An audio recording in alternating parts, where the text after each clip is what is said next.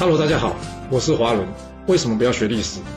因为学历史会让你了解到顶层阶级的思考方式，成为他们的竞争者，所以他不希望你去学。还有学历史会让你看到许多前人成功及失败的案例，你的竞争对手想要好好的睡个觉，所以他也不希望你去学。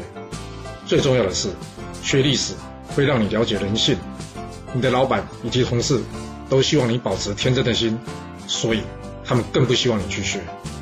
就是因为这些原因，接下来我要跟你说的是故事，而不是历史。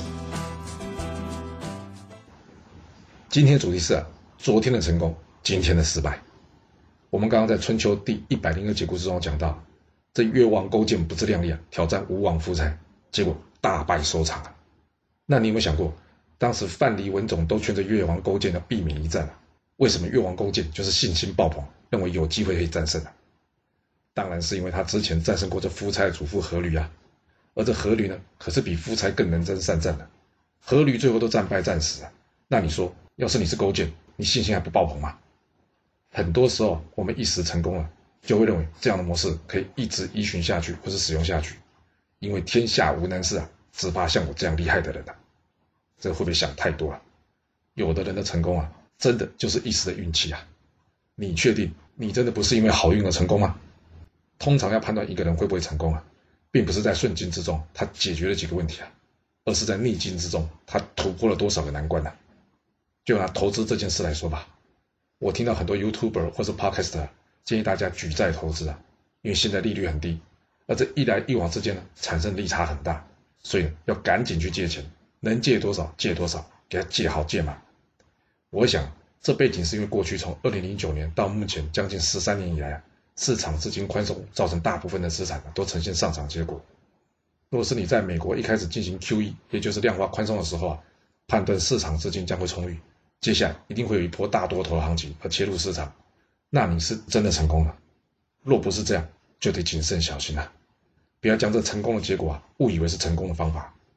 简单来说吧，若是你将之前股票上涨的结果认定是你自己选股能力很强才会买到标股，所以呢？你这次要加大信用或者财务杠杆，才能将获利最大化。那有没有可能在目前资金紧俏的市场状况下，反倒吃了亏？这验证的方法其实不难啊，你只要看看你在过去投资的过程中啊，近三个月是赚还是赔，而目前呢，近三个月你的操作绩效是赚的还是赔的？当然，要是你是纯股的话呢，主要是看配息率或者说值利率，这恐怕要等两年之后才会知道，目前可能还看不出来。如果是你的目标是资本利得，投资的是成长型的股票。而且经过三个月绩效检验的结果是亏损的，那你觉得你真的有这么神，玩股票一定会赢吗？还记得我们之前讲过孙武率领的吴国军队与楚国另一南瓦在这博举发生大战的故事吗？这南瓦要是能耐心等待，等到这神隐虚到来，此战或许胜败难料。但是南瓦呢，觉得这孙武很软了，他随便就能解决掉他。结果呢，他渡江袭击孙武，这第一战他被孙武的骑兵击退。这有没有像在股市中突然遇到没有理由大敌啊？那第二仗，南娃想要偷袭孙武，结果反被孙武偷袭。那这有没有像在股市之中想要抢反弹，结果失败了？而第三仗呢，也就是我们说的博举之战啊，这南娃本来可以守住小败的结果啊，但是为了要扳回面子啊，扳回之前失败的战果，所以他想要投入更多的军队与这孙武决战了。这种想法有没有像去申请贷款来操作股票的人啊？只不过南瓦运气不好，没有借到钱，因为这楚国将军韦瑟啊，不敢将军队交给他冒险。那南瓦有选择与韦瑟一起先退到旁边，等待时机重新出击吗？并没有啊，他就像留在股市中的人一样啊，就是想要站到最后一兵一卒来确认输赢。那结果呢？结果就是大家知道的嘛，南瓦在博举之战被孙武打个大败啊！别以为人性会轻易的改变啊，我想。这场在两千五百多年前的战争啊，已经充分显示出了人性了。其实我们现代人状况也跟当时差不了多远，不是吗？当我们把南瓦失败故事当作笑话来看的时候啊，有没有想过自己要如何突破这人性的弱点，让自己不要变成故事中的主角啊？千万别让昨天的成功变成今天的失败，你说是吧？若是你有其他想法，也欢迎留言分享你的看法给大家哦。好啦，我们今天先说到这。